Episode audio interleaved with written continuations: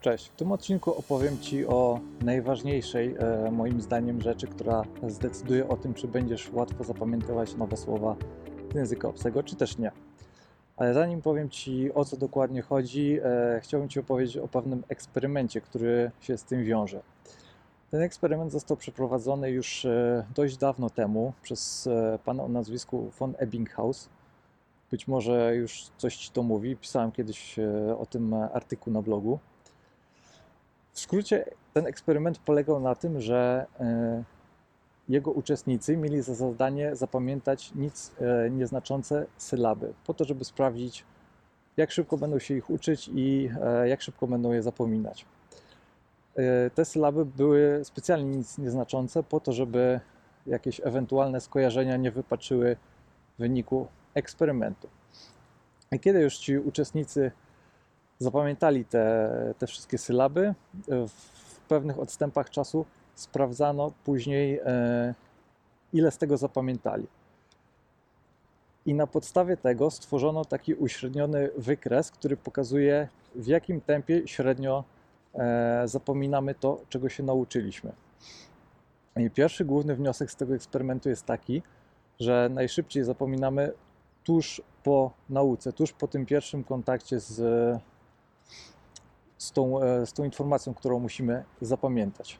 A drugi ważny wniosek jest taki, że powtórki mogą e, znacząco e, zmniejszyć tempo zapominania.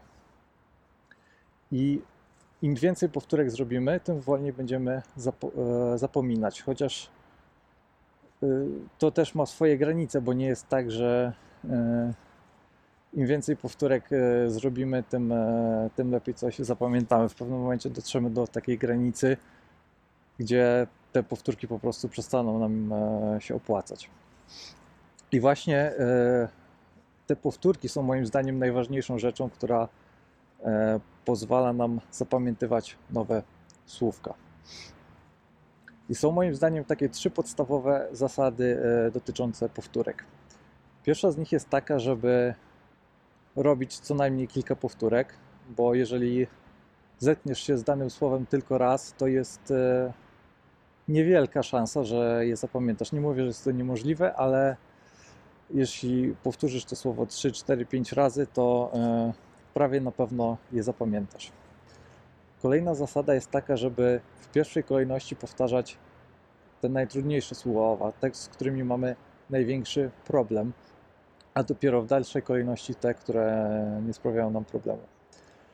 I trzecia zasada polega na tym, żeby stopniowo zwiększać odstępy między kolejnymi powtórkami, bo tak jak już wcześniej powiedziałem, najszybciej zapominamy na samym początku, a później im więcej czasu upłynie, e, tym to tempo zapominania spada, więc nie ma sensu powtarzać e, tego samego zestawu słówek na przykład codziennie, tylko na przykład jeżeli dzisiaj zrobiłeś sobie listę 10 słówek, które chcesz zapamiętać, to możesz powtórzyć je jutro, później możesz powtórzyć je za 3-4 dni, a później na przykład za tydzień.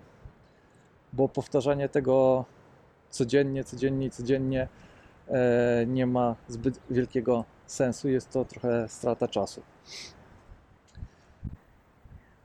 Więc je- jeżeli chcesz zastosować się do tych zasad, jeżeli chcesz wcielić w swoją naukę wnioski, które płyną z tego eksperymentu, możesz korzystać z fiszek i mogą to być e, fiszki elektroniczne, takie jak na przykład Quizlet, który jest bardzo dobry, bo on jest właśnie stworzony w taki sposób, żeby mm, powtórki odbywały się zgodnie z zasadami. Czyli jeżeli stworzysz sobie jakiś zestaw fiszek i później będziesz e, powtarzać te słowa, to Quizlet w taki sposób dobierze te słówka, że na początku będziesz powtarzać te, z którymi masz największy problem. Więc e, może to być całkowicie zautomatyzowane, ty nie musisz się e, w ogóle tym przejmować i będziesz wyraźnie widział, z którymi słowami masz e, największy problem. Jeżeli uczysz się języków obcych, jeżeli interesuje Cię taka tematyka i chcesz dostawać więcej takich porad, to subskrybuj ten kanał.